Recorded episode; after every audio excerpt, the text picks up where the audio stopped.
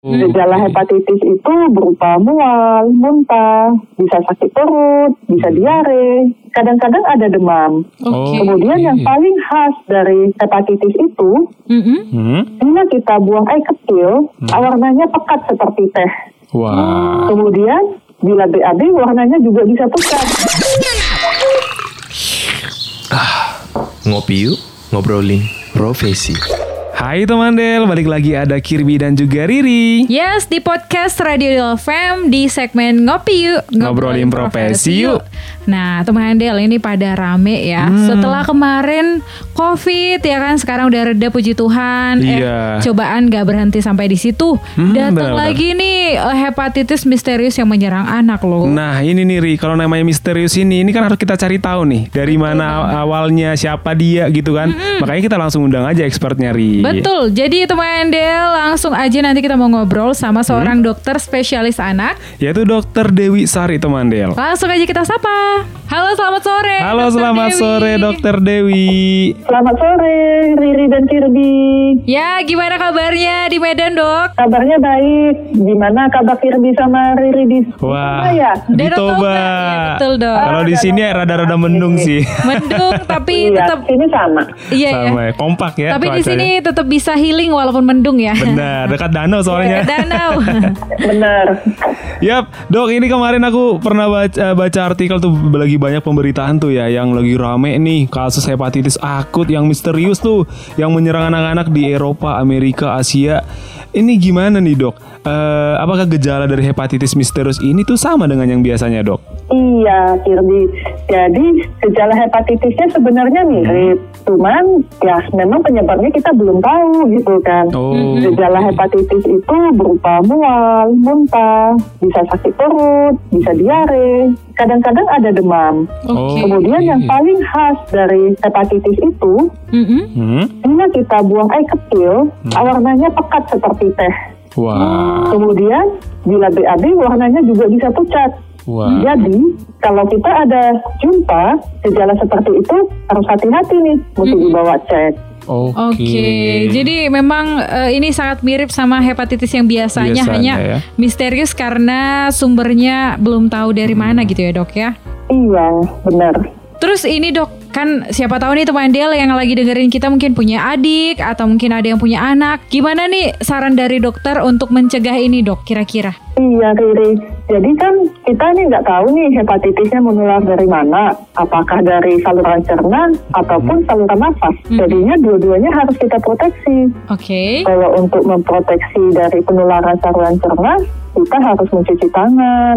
Terus ada makan konsumsi makanan yang matang, nggak boleh setengah matang. Terus tidak boleh tukar-tukaran alat makan. Mhm. Dan kalau ada nampak orang sakit, ya pasti harus kita hindarkan. Oke. Kemudian untuk mencegah penularan dari saluran nafas, caranya sama tuh dengan mencegah prokes COVID-nya. Oke. Dengan cara memakai masker, memakai jarak, stay at home, sama menjaga ventilasi yang baik di ruangan kita tinggal. Mm-mm. Begitu. Yap dan dok ini kita coba eh, ini juga ya. Ka- kalau seandainya nih dok ada kayak keluarga kita yang lagi sakit di rumah gitu atau anak gitu. Gimana sih nih dok eh, tips pertolongan pertama nih buat anak atau keluarga kita yang sakit di rumah versi dari dokter Dewi nih dok? Iya, jadi kan eh, tadi anaknya bisa demam. Hmm? Kalau misalnya demam, boleh dikasih obat penurun demam. Mm-mm. Kemudian kita beri cairan yang lebih banyak biar anaknya tidak kurang cairan. Hmm. Oke. Kemudian kita berikan anak kita untuk kesempatan beristirahat. Kemudian kita jaga asupan nutrisi yang baik. Bila anaknya susah makan, kita boleh kasih makanan dengan porsi yang lebih kecil tapi lebih sering. Hmm. Hmm. Kemudian tadi kan kita lihat ada juga dia bisa diare ataupun muntah. Ini kita bisa berikan obat muntah ataupun diare. Dan yang paling penting kita harus jaga biar anaknya tidak mengalami kekurangan cairan. Oke Kita boleh beri cairan elektrolit dan porsi makanan juga diberikan volume kecil-kecil tapi sering. Tapi Oke. memang kalau bila kita ada mencurigai anak kita menderita hepatitis akut yang misterius, sebaiknya kita bawa cek gitu loh. Oke. Eh, terus ini dok kan dokter Dewi dokter anak. Terus biasanya kita tahu anak itu kan agak kadang belum ngerti dia sakit apa atau apa yang ngerasakan. Jadi kalau dari dokter Dewi sendiri gimana sih caranya kayak ngorek info supaya si anak itu kayak mau cerita supaya dokternya juga bisa menangani masalah si anak misalnya gitu dok. Iya, jadi ini harus melihat usianya anak Riri. Mm-hmm. Kalau dia masih usianya belum pandai ngomong, itu memang tidak mungkin kita korek Iya infonya. benar. Tapi Benar, kita benar. bisa melihat gelagat anaknya bagaimana. Dia kok Oke. sakit perut, asik pegang-pegang perut, rewel. Oke. Kalau mual muntah kan pasti nampak ya sama diare. Kalau Mhm. demam kan nampak dia suhunya gitu. Betul. Kemudian kalau anaknya yang sudah mulai besar, yang udah bisa berbicara atau menunjuk, kita Mhm. bisa tanya sakitnya di mana. Kita Oke. tunjuk anggota badannya mana saja yang sakit. Nanti dia tinggal antara bilang iya apa enggak, Mhm. ataupun dia tunjuk di mana yang sakit begitu. Oke, berarti memang sebagai dokter anak tuh harus pintar membujuk ya dok ya. iya.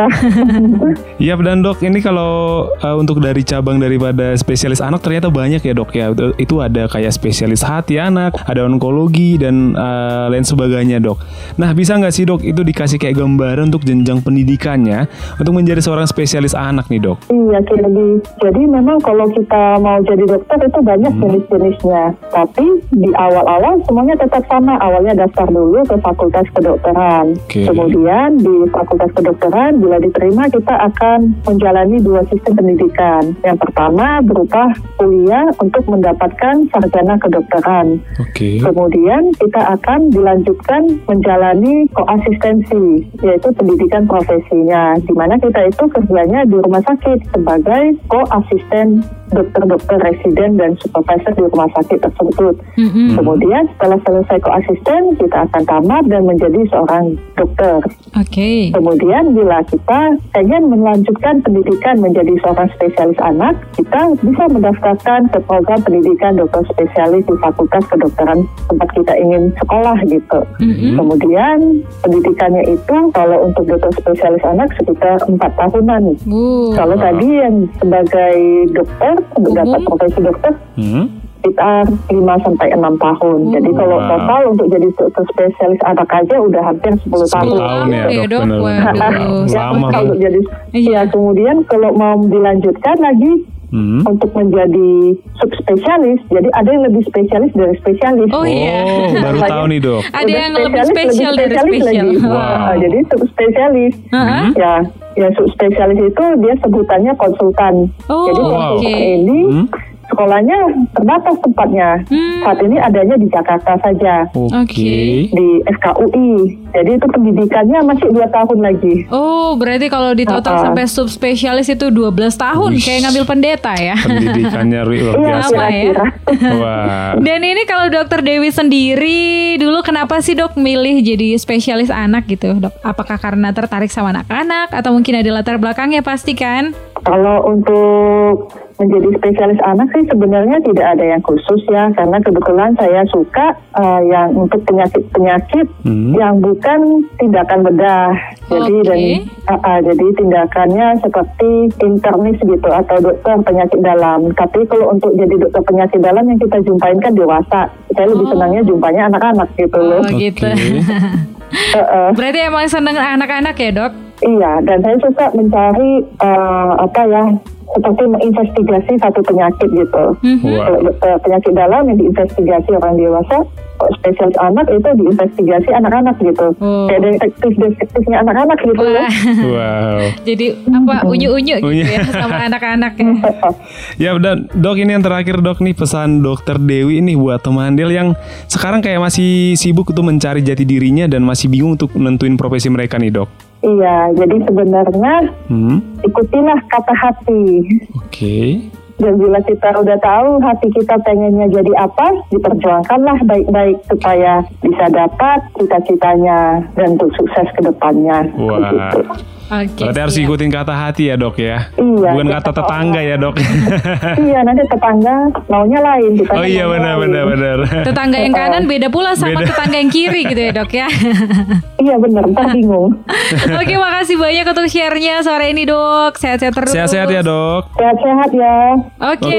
Selamat Jadi salam sama pemirsa di Toba untuk kawan Del semuanya. Oke, siap. siap disampaikan bu.